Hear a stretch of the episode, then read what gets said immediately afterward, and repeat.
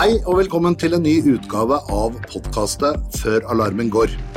I dag er jeg så heldig å ha med en av heltene mine, faktisk, innenfor bransjen. En mann jeg har fulgt i mange år. Og det er deg, Ole Tom. Ja, takk for muligheten å være her, Thomas. Du, Utrolig hyggelig å få deg med. Eh, Ole Tom Seierstad, for vi som har vært med en stund, det er et navn som klinger godt. Hvem er du, og hva gjør du? Ja, Ole Tom Seierstad, ja, som sagt. Jeg jobber i Microsoft Norge. Ja. jobber for tiden og har gjort det i ganske mange år med sikkerhet. National Security Officer, som det så fint heter. Jobber da mot partnere som dere, mot kunder, kunder, og også mot eh, myndighetene, altså regulativ myndighet, for å, for å gi muligheter for virksomheter og kundene våre da, til å faktisk eh, bruke tjenestene på en compliant og sikker måte. Det er, eh, det er bra, du, bra du sier, for jeg med mange andre har jo en tendens til å ringe deg når det er komplekse ting som ikke nødvendigvis eh, alle, alle forstår. Veldig glad du kommer hit i dag. Og, og Microsoft er jo en bastion. Dere er jo overalt. Og dere har jo da muligheten til å, å se hva som skjer overalt. Hvordan, eh, hvordan definerer, eller hvordan ser Microsoft dagens trusselbilde? Det, det er jo forskjellige ting og trusler, men det, vi ser jo alt. Vi analyserer ca. 24 trillioner signaler i døgnet. 24 trillioner? Ja. Det klarer jeg ikke å Tror ikke jeg vet hvor mange nuller det er engang. Nei, jeg, jeg gjorde et regnestykke her bare for å illustrere med milliarder, som er litt mindre. Ok. Eh, Vi analyserer rundt 470 milliarder e-poster i måneden for malware, altså ondsinna programvare, eller linker som fører til kjente hostingsider. Og det er rundt 183 000 i sekundet. Det er, jo, det er jo helt vanvittig. Så, så det vi ser ut ifra det, da, som svarer på spørsmålet ditt, det er jo at vi ser veldig mange aktører. Og det er primært fem hovedgrupper, fire eller fem hovedgrupper. Det er jo da nasjonsstater. Altså de kommer på jobb på morgenen og går på ettermiddagen. De har det som jobb, Har det som jobb. rett og slett. Vi Ja. ansetter deg som hacker for nasjonen. Jepp. Ok?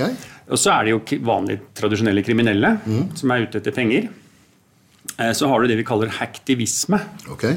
Altså De er litt uenige med deg av en eller annen grunn. Om det er eh, bygging av vindmølleparker eller oljeutvinnelse eller eh, menneskerettigheter eller hva det måtte være. Noen som er uenig med deg på et eller annet måte. Okay. Og så bruker da eh, IT som et verktøy. Har- liksom? Ja. Ja. Og så har du disse såkalte innsidere. Misfornøyde ansatte, en ansatt som har fått betalt fra en konkurrent, eh, et eller annet, Mm. som er i organisasjonen. Så det, det kan si det er fire hovedgruppene. da. Mm. Felles for dem det er at de har den samme verktøykassa med seg på jobb. Ikke sant? Social engineering, identitetstyveri, distribusjon av ondsinnet programvare, malware. Altså De har den samme verktøykassa, de bare bruker den på litt forskjellige måter.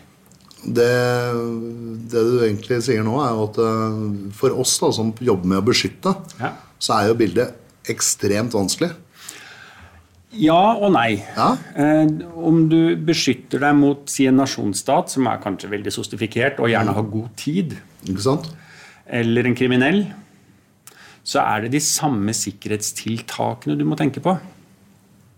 Det er, det er på en måte Som jeg sier, de har den samme verktøykassa. Ja. Samme fremgangsmåten. Ja, og Beskytter du identiteten din, som jeg mener er noe av det viktigste du kan gjøre, identitetsbeskyttelse, altså hvem er du? Mm. Deretter hva har du rett til å gjøre, men hvem er du? Så beskytter du deg uansett om det er en nasjonsstat, en kriminell eller, eller en uh, hacktivisme Ja, som forsøker å stjele Ja. informasjonen din. For de kommer på en måte utenfra. Ja. Ja. Innsideren er litt verre akkurat med den, for han har jo gjerne en identitet i sin ja virksomhet. man tilhører deg, liksom. Da er det mer monitorering og monitorering og logger og sånne ting du må følge med på. Ja, det, altså, ja. Det, det er, og det er de store fire gruppene. Ja. Grovt inndelt. Du, du har jo også sagt her ved en anledning at um, tidligere så var eh, det mer tilfeldig om du ble et offer. Nå er det en dreining mot at dette her er litt mer målrettet. Ja, og det er spesielt rundt såkalt uh, krypteringsvirus, altså crypto ransom, ransomware, Ransomware. på godt norsk. Ja. Ransomware på godt norsk, altså digital utpressing. Ja. Ja. Om det er utpressing, eller om det bare er for å ødelegge. Ja. Hektivisme typisk ødelegger. Ja. Kriminelle er utpressing. Ja. Men det er igjen samme verktøy. Samme verktøy. Det, det var mer tilfeldig for noen år siden. Man distribuerte en eller annen type malware som krypterte diskene dine og, systemet ditt. Nå er det mye mer målrettet. Okay. Altså man, man gjør litt undersøkelser på forhånd. eh, Finner ut hvem sitter i organisasjonen, hva interesserer dem, hvordan kan jeg få lurt til, og slike ting. Og det ser vi jo fra de sakene som har vært i Norge nå. Eh, Når dette her krypteringsviruset dukker opp i organisasjonene, så har de vært inne lenge. Betyr det at de er mer profesjonelle?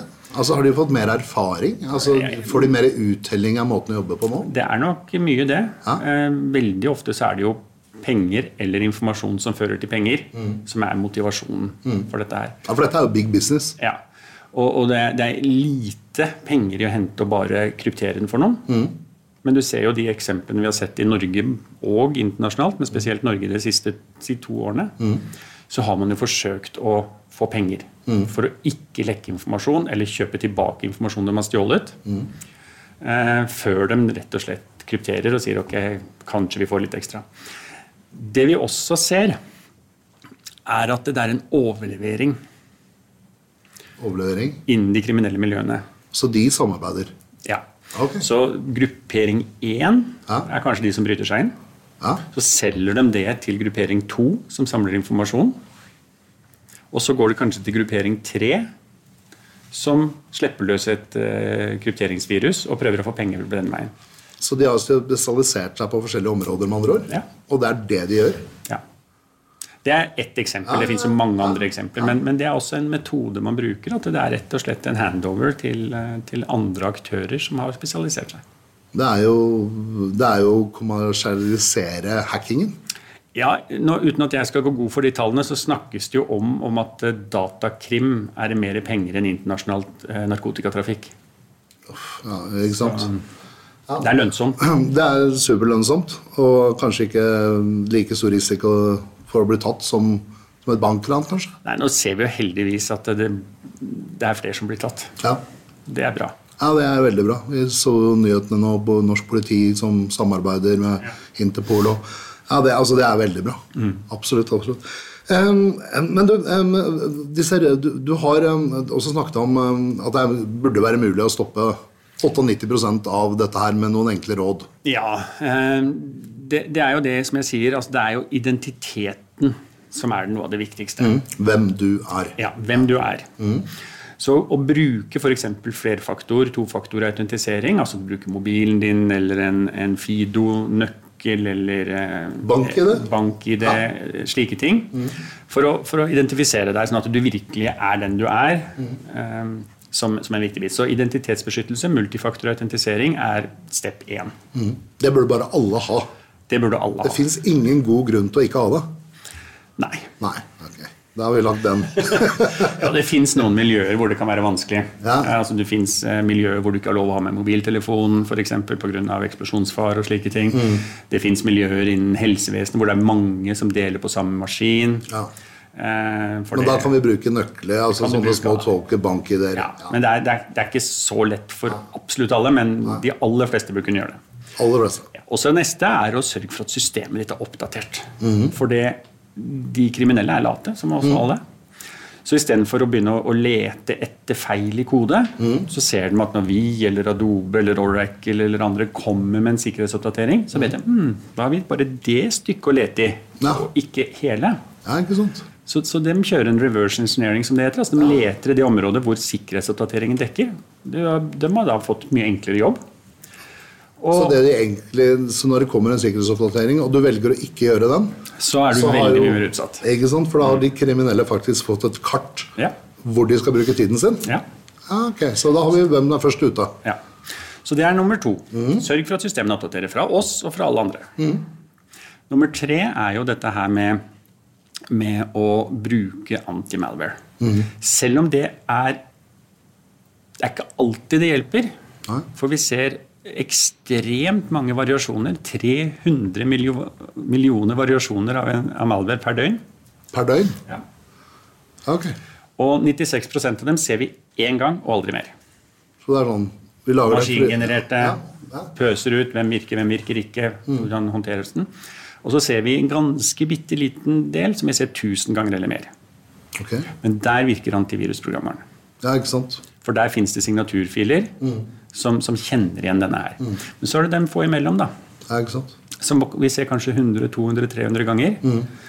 Eh, Som gir like stor skade, men som du typisk ikke vil antivirusprogram vil ta. Da må man begynne å se på systemet. Hva, hva forsøker denne programvaren å gjøre?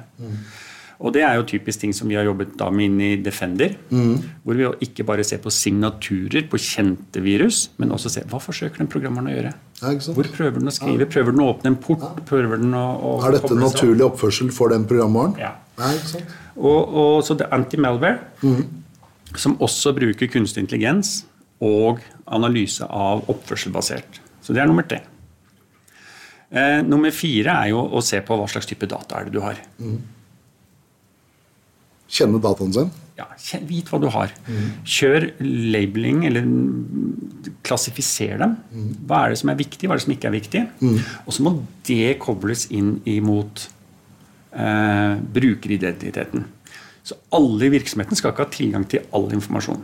Nei, ikke sant. Det skal være behov i forhold til hvilken eh, rolle du har, og, og tjenestemessig behov, hvis du kan si det sånn. da. Litt sånn need to know. Ja. Ja, ikke sant. For det igjen, hvis du alle har tilgang til alt, og én er kompromittert, Ja. Så kan det være hvem som helst, og så Ja. har du tilgang. Ja. Og, og det siste er jo reduser tilgangsrettighetene dine. Ok. Kjør med lavest mulig rettigheter. For det også ser vi når den første si host, da første klienten, om det er mobiltelefon, eh, PC eller en IOT-ting, er kompromittert, så innen 45 minutter til et par døgn så har de kriminelle full kontroll på nettet ditt. Så det tar ikke lengre tid. Nei, Ok. Og alle, alle eksponerte enheter er en vei inn? ja. Som er kobla til nett. Selvfølgelig. Det kobla til nett. Men det betyr at du med, med lavere rettigheter på disse enhetene, om det er mobilen eller eh, PC-en din eller hva det er, så er jobben vanskeligere. Og du har sjanse til å oppdage det i en, en monitorering og en logg. Og bruke et CM-system, bruke et, et verktøy for å se unormaliteter. Det er vel kanskje en god grunn til at det er jo første punktet på Nasjonal sikkerhetsmyndighet. Altså De har jo sine grunnprinsipper. Ja, Og det første de sier, er skaff deg verktøy som driver med logg og rapportering. Det er jo akkurat det samme du gjentar nå. ja. Men, men, men du ser f.eks. å bruke maskinlæring da, Ja, og identitet. Um, og bruke conditional access. Jeg vet ikke et godt norsk for det. Altså tilpasset tilgang. ja det er bra nå. Ja, det er godt nok. Så f.eks. at du sitter her nå, du går bort på PC-en din, logger deg på, og så ti minutter seinere så er du logga på fra Trondheim. Eller USA. Eller Brasil. Ja. Da bør det gå en bjelle hos de som sitter og overvåker systemet ditt. For det er ikke mulig å reise den avstanden på samme tid. Det er logikk, da. Ja. Ja, Og det kan du bruke maskinlæring til. ikke sant. i skytjenester. Eller se på at eh, maskinen din, eh, passordet ditt, er, finnes på Have I Been Pawned. Ja. eh, Fordi du har logga deg på en eller annen tjeneste. Og så bør det sjekkes på det. Ok, det er logget der. Hva gjør vi med Thomas sin ID da? Jo, du tvinger han til å bytte passord. Du tvinger han til å ta, sette i gang tofaktorautentisering. Det bør systemet fange opp. ja, ikke sant. Og det er jo, det er jo veldig altså det, Da slipper du å sitte og følge med selv. Da blir du faktisk pålagt. Nå har det skjedd noe. Ja, Ja. Så, så det, er, det er jo verktøy som, som adresserer dette her, og, og det er jo ting både du og vi jobber med. Ja, ja, ja. Det er å få brukermiljøer faktisk til å ta dette her i bruk. Ja, for det, Veldig ofte så finnes jo verktøyene som kunne forhindret mye av det vi leser om. Ja. Det er bare ikke tatt i bruk ennå. ja. Det er en av de største. Men eh, dette her er jo, vi, vi var innom fire grupper her i sted. Eh, og jeg tenker på den, den siste gruppen. Eh, for når en angreper er på innsiden, eller la oss si en av de fra de tre første gruppene, har klart å bruke en sårbarhet og kommet seg på innsiden, hvilken tilgang har du da? Kommer an på hva slags identitet du klarer å, å lure til deg etter hvert. Og vi ser jo at eh, De jakter jo på å bli domeneadministrator, altså administrator av systemet, og da har de alle tilganger. Mm. Så hvis jeg, det er en virksomhet som da ikke har noe forskjell på nivåer eller har segmentert opp, så mener du at da har du full tilgang til alt med en gang? Ja. Det er jo kjekt. Mm, Ja, for de kriminelle. Ja, det er jo helt klart. Eh, Men vi har snakket om dette her med, med kryptering. Ja. Altså, dette med, altså, man bør jo kryptere. Man bør kryptere data. Bør kryptere. Ja, og det er forskjellige måter å kryptere på. Det er forskjellige typer krypteringer. Ja, deler, altså krypteringen det er jo både teknologisk kryptering, altså type hvor sterk er krypteringen og slike ting. Eh, vi tenker mer på kryptering eh, både i transport okay. eh, og eh, ved lagring. Når du tenker på data i transport, så er det når det sendes fra et Over det store nettet. Over det store internettet? Ja. Ok. Informasjon som går fra A til B. Ja. Ok, Den skal være kryptert. Ja. Og endepunktene, og det vil si endepunkt i PC-en din, og endepunkt i serveren din. Ok? Og si en skytjeneste da, som, som Microsoft Azure eller Microsoft Office 365, så, så gjør jo vi det standard. Ok? Så vi krypterer, da bruker vi en teknologi TLS, som er i transport. Så så fort dataene forlater systemet ditt, så er den kryptert til de treffer datasenteret. Og så krypteres de i lagring på datasenteret På nytt. på nytt. Så både harddisken er kryptert, og hver enkelt fil. Og så er det litt opp til brukermiljøene selv, for det kan ikke vi kontrollere i sky. Nei. Eh, hvordan klienten er. Um, nå er det vel noen år siden at det var tungvint å kryptere en, en Windows-PC, i hvert fall. Bitlock ligger med. Jeg husker i gamle dager da vi var jo med og gang i tiden i Watchcom, og da vi var jo tidlig ute den gangen med, med å skulle kryptere PC-er. Ja. Men da var det veldig mange som ikke ville gjøre det, for det, det tok så mye av prosessorkraften. Ja. Der er vi ikke lenger. Nei, du merker ikke det i dag. Men det er viktig å kryptere endepunktet også. Ja. Eh, Om disken blir, eller, eller maskinen blir borte, så, så gjør ikke det så mye hvis ikke identiteten din er stjålet. hvis, men eh, så lenge den er kryptert, så er den det. Så du har kryptering på endepunkt i transport og på endepunkt på en server. Og så fins det muligheter også. Det er litt eh, komplisert å få til, men, men det fins mulighet også at det er kryptert i prosessering. Ok, hva da I minnet, rett og slett. At du jobber på krypterte data i minnet. Det som er confidential compute og homomorphic compu- eh, encryption. Og nå er du inne på det som Da begynner å snakke om Forsvaret og vi snakker om det, da, De litt spesielle miljøene, Ja, ja, ja. Men uh, kryptering må, må vi ha, og det bør være til bør man ha, og, og det betyr jo at uh, ingen kan lytte inn på trafikken din eksempel, og slike ting. Mm. Men tilbake til disse fire gruppene, Mm. og innsidere. Altså Hvis en nasjonsstat, hvis en kriminell, hvis en av disse her eh, får tak i identiteten din, Mm.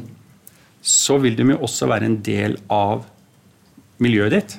Ikke sant? Og det vil si at de vil jo da kunne dekryptere de dataene Ja, For da har de for da har de rett til å dekryptere.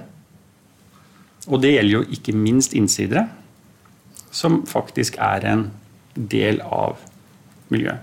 Da må man igjen tilbake til logg, tilbake til eh, operasjonssenter og slike ting. og se. Jeg vet jo kunder som har oppdaget innbrudd pga. veldig mye trafikk ut fra, data, eh, fra serverne sine Okay. som gikk eh, østover, for å si det sånn. Politisk korrekt. Det gikk østover. Store mengder data. ja. Og, det, og det, det bør trigge en alarm. ja? Hvorfor sender vi så mye data østover? Og det betyr at noen sitter og stjeler dataene dine. Og disse, disse tingene finner du bare ut av hvis du har et system for logg og overvåkning. Ja. Ja, ikke sant? For det, du, du, du sitter jo ikke og Dataene dine er jo der du har lagt dem. De er ikke borte. Det er, det, det, det, Altså, hvis noen stjeler lommeboka di, så er den borte fra lomma di. ja. Den, den tar, tar tar ikke en kopi av den. Ja, ikke sant? Det er ikke like lett, altså. Nei. Nei, det er, da, det er det også mer på at man må ha seg et system for uh, logg og overvåking. Ja. Men jeg, med det samme jeg har deg her, så vet jeg at du var tidlig ute og snakket om dette her med Skjems 2. ja, det er Og- spennende. Det er spennende. Men for de aller, aller fleste så er det litt gresk. Ja. Ja. Kan du forklare oss på en enkel måte, eller i hvert fall så jeg forstår det, Ja. hva, er, hva er Schrems 2? Schrems 2, altså Schrems er Max Schrems. En, eh, Schrems 1, da var han jusstudent. Ok? Eh, østerriksk sådan. Ba om får jeg se mappa mi, rett og slett, fra Facebook. Og fikk et par tusen sider i respons fra Facebook Oi. av informasjon som han hadde lagt inn i Facebook, og som Facebook visste om han. Var han, var han da i utgangspunktet en særdeles eh, aktiv bruker? eller? Ja, jeg tror nok du kan prøve å gjøre det samme på deg, Thomas. Så, så dukker det opp noen sider der òg, vil jeg tro. Det, det tør jeg ikke å tenke på engang, faktisk. I hvert fall så, så syns han dette her var veldig mye persondata. Ja. Som ble flyttet ut fra Europa til, til USA. Han mente dette her ikke ble godt nok ivaretatt. Så han gikk til rettssak mot Facebook. Eh, Facebook benyttet seg av en eh, overførings, altså en juridisk overføringsmekanisme som het Safe Harbor. Som, som de fleste selskapene benyttet seg av som et sånn juridisk grunnlag for å behandle personopplysninger utenfor EU, eller det som er EUs adekvate land. da. Ok. Hvor USA ikke er godkjent som, som personopplysninger. Så det var Strems 1. Ja. Og, og Safe Harbor ble da kjent ugyldig av retten. Okay. Eh, så kom denne nye avtalen på plass, som kaltes EU-US eh, Privacy Shield. Som var en ny bilateral avtale mellom Europa og USA. Som de fleste firmaer da benyttet seg av, inkludert Microsoft. Eh, som han også utfordret i retten. Og det ble da såkalt Schrems 2, når den avtalen ble også kjent ugyldig. ok. Eh, selskaper som da kun baserte seg på enten da Safe Harbor eller US, EU-US Privacy Shield som overføringsmekanisme. Mm. Privacy Shield inkluderte bl.a. en ombudsmann i USA som skulle kunne overvåke om, om selskaper som Microsoft og Google fulgte reglene og slike ting. Hadde da plutselig ikke et lovlig overføringsgrunnlag for å behandle personopplysninger utenfor USA. Nei, Europa. Okay. Eh, fra vår, vårt ståsted så var dette én av to overføringsmekanismer. Vi hadde også på plass det som kalles EU Model Clauses, eller Standard Contractual Clauses, som også er et overføringsgrunnlag. Så sett fra Microsoft sitt, sitt ståsted så ble ett av to bein amputert. Eh, EU-domstolen, og de ugyldiggjorde da denne EU-US Privacy Shield, pekte også på at Standard Contractual Clauses, eller SCC, var et godkjent verktøy. Og så lagde de en, en veileder på seks steg da, som du skulle følge for å ha en lovlig overføring. Det var vit hva du eventuelt overførte, du som dataeier, altså om du er en bank eller en eh, nettbutikk eller helse eller hva det måtte være. Du skulle vite hva du eventuelt overførte. Det var step 1. Step 2 er å vite hvilket eh, juridisk rammeverk du benyttet av. Og som jeg nevnte, eh, vi brukte da standard contractual clauses, i og med at da denne Safe Harbor var, og Privacy Shield var ikke godkjent lenger. Step 3 er hvilken eh, lover og regler gjelder i det landet du eventuelt overfører data til. Jeg sier eventuelt hele veien her, har du merka det? Ja. For det er ikke alle data som overføres. det er ofte det ikke trenger det, i hvert fall på aktører som, som vi, oss, da, som har datasenter både i Norge og Europa. Det kan være. Kan være. Så det er å vite hvilken hvilke lover og regler som gjelder. Og da peker jo dommen da i Europa på en executive order fra president Reagan, så den er ikke helt fersk. Nei. Og en, en noe som kalles FISA, 7, section 702. Som er da amerikanske overvåkningslover. Som kan skape problemer. Step 4. Hvilken ekstra sikkerhetsmekanismer har du på plass? Kryptering peker dem på. Som jeg sa, det, det får du ut av boksen. Og step 5 og 6 det er eh, evaluer hva du gjør, og kjør en risikoassessment på det eh, jevnlig. Så de seks stegene er det du skal på en måte gjøre eh, for å eh, være innenfor loven, da, hvis og om det overføres data. Jeg opplever at jeg stilte riktig spørsmål til riktig mann her akkurat nå. Altså. Jeg føler meg som jurist mer enn teknolog akkurat på det området her, men eh, man har lært det etter hvert. Men eh, hvordan treffer dette de norske kundene? Eh, det treffer jo av at de må jo gjøre disse tingene. Vite hva de overfører. Eh, om de overfører noe. De må vite hvilken juridisk rammeverk de har. Og vi har da en denne innebygd i vår databehandleravtale. De må vite hvilken sikkerhetsmekanismer har vi satt i gang selv. altså har de på plass beskyttelse av data, og hva vi som en leverandør gjør. Og de må da kjøre en, en assessment på dette her, da, finne ut hva, hva er det vi egentlig holder på med. Og er det en stor risiko eh, eller ikke for, eh, for at data faller i feil hender. Det høres ut som en ganske kompleks oppgave. Det er en kompleks oppgave. Og, og mm, dette her bygger jo på GDPR, som, som, et europeisk lovverk, også norsk. Eh, hvor, hvor bøtenivået, botnivået, kan være ganske høyt. Eh, og det er klart, da, da, blir man For det første vil man være lovlydig. Og for det andre så er det en risiko på høye bøter hvis persondata kommer på avveie. Ja, ikke sant? Så det, så det er en viktig jobb veldig mange gjør. og jeg føler at de fleste virksomhetene er ganske godt i gang med det. Mange har kommet langt, andre er kommet litt kortere. Men, men det er å gjøre da en sånn Data Privacy Impact Assessment, Ja. eh, DPIA. Men DPIA. DPIA, Det er altså ja. et godt uh, norsk uh, forkortelse av den Ja. Eh, Person, hva er det norske ordet? uh, Hva kan det være, norske ordet? Uh, Personvernssjekk, i hvert fall. ja, en modenhetsanalyse av noe slag? Ja. ja. Og vite hva, hva og, og igjen tilbake til det jeg sa i stad. Vit hva slags type data du har. Det er det. Mye bunner ut i det. Ja.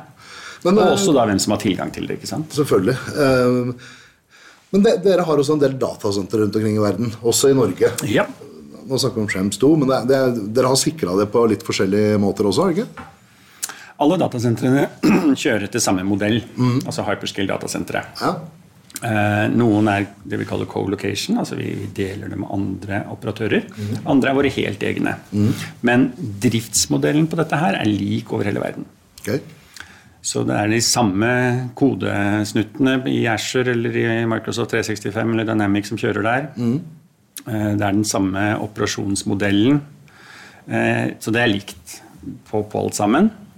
Men så er det også det vi kaller tilgjengelighetssoner. Um, og Det betyr at det er faktisk flere fysiske datasentre som er koblet sammen som, som ett logisk, men dataen er spredd og dublisert på andre. Så om ett går ned, så er fortsatt data tilgjengelig på to andre fysiske lokasjoner.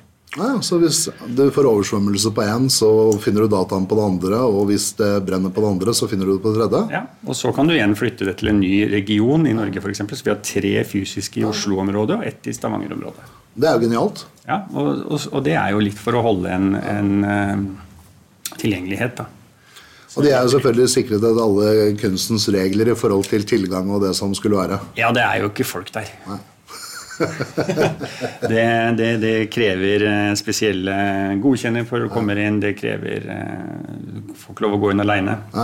Du får visitor badge hvis du er på besøk, som skifter farve etter den tiden du har fått lov å være der inne. Oi. Ja. Eh, Går, det er metalldetektorer, eh, du får ikke ha på deg klokke eller ja. kan ikke ha en USB-minnebrikke i lomma. Det er- er flyplass, sikkerhetskontroll for å komme inn. Etter alle kunstens regler, med andre ord. Det er gjerder på utsiden. Det er eh, Det beskyttes som om det var eh, Og som det er Ja. viktige data, kritisk data. Og det er jo gullet til veldig mange. Ja. Det er det. Du, eh, kommer oss videre her. Eh, Zero Trust, også noe du har ment mye om.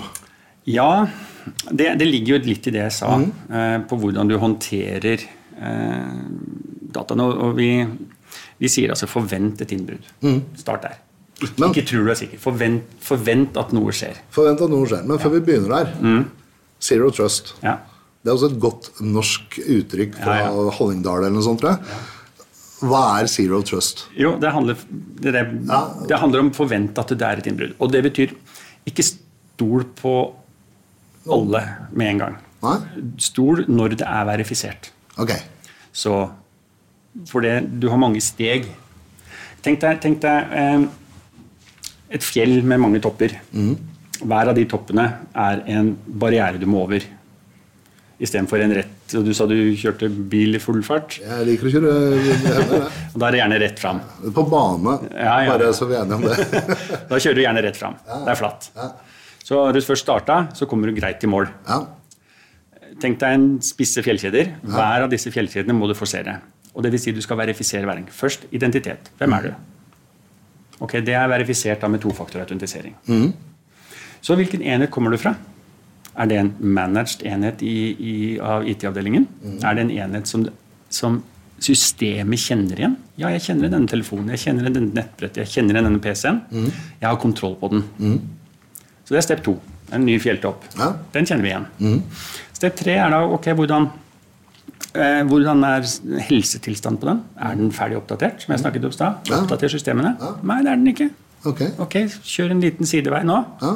Sørg for at den er oppdatert. Så kommer du tilbake etterpå. Ja, så krever at den blir oppdatert før du slipper videre. Ja. Ja, fantastisk. Neste er hvilken type data skal du ha tak i. Ja. Som jeg sa, Labeling, klassifisering. Ja. Ja, hm, nå prøver du å aksessere neste års eh, regnskapstall som ikke er sluppet ennå, eller et eller annet sånt. Mm, ny topp. Her krever vi noe ekstra. Så hver eneste ting du skal gjøre, og hvilket nettverk er du på?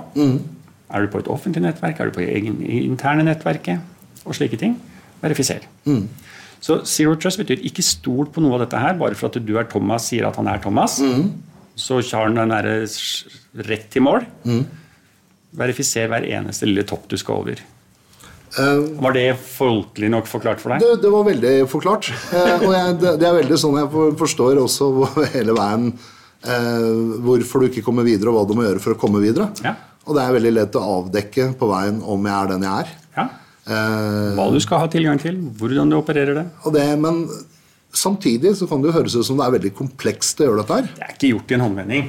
Det, er, det er ikke det. Du skal, ha, du, skal ha, du skal vite hva du gjør. Du skal ha planer for det.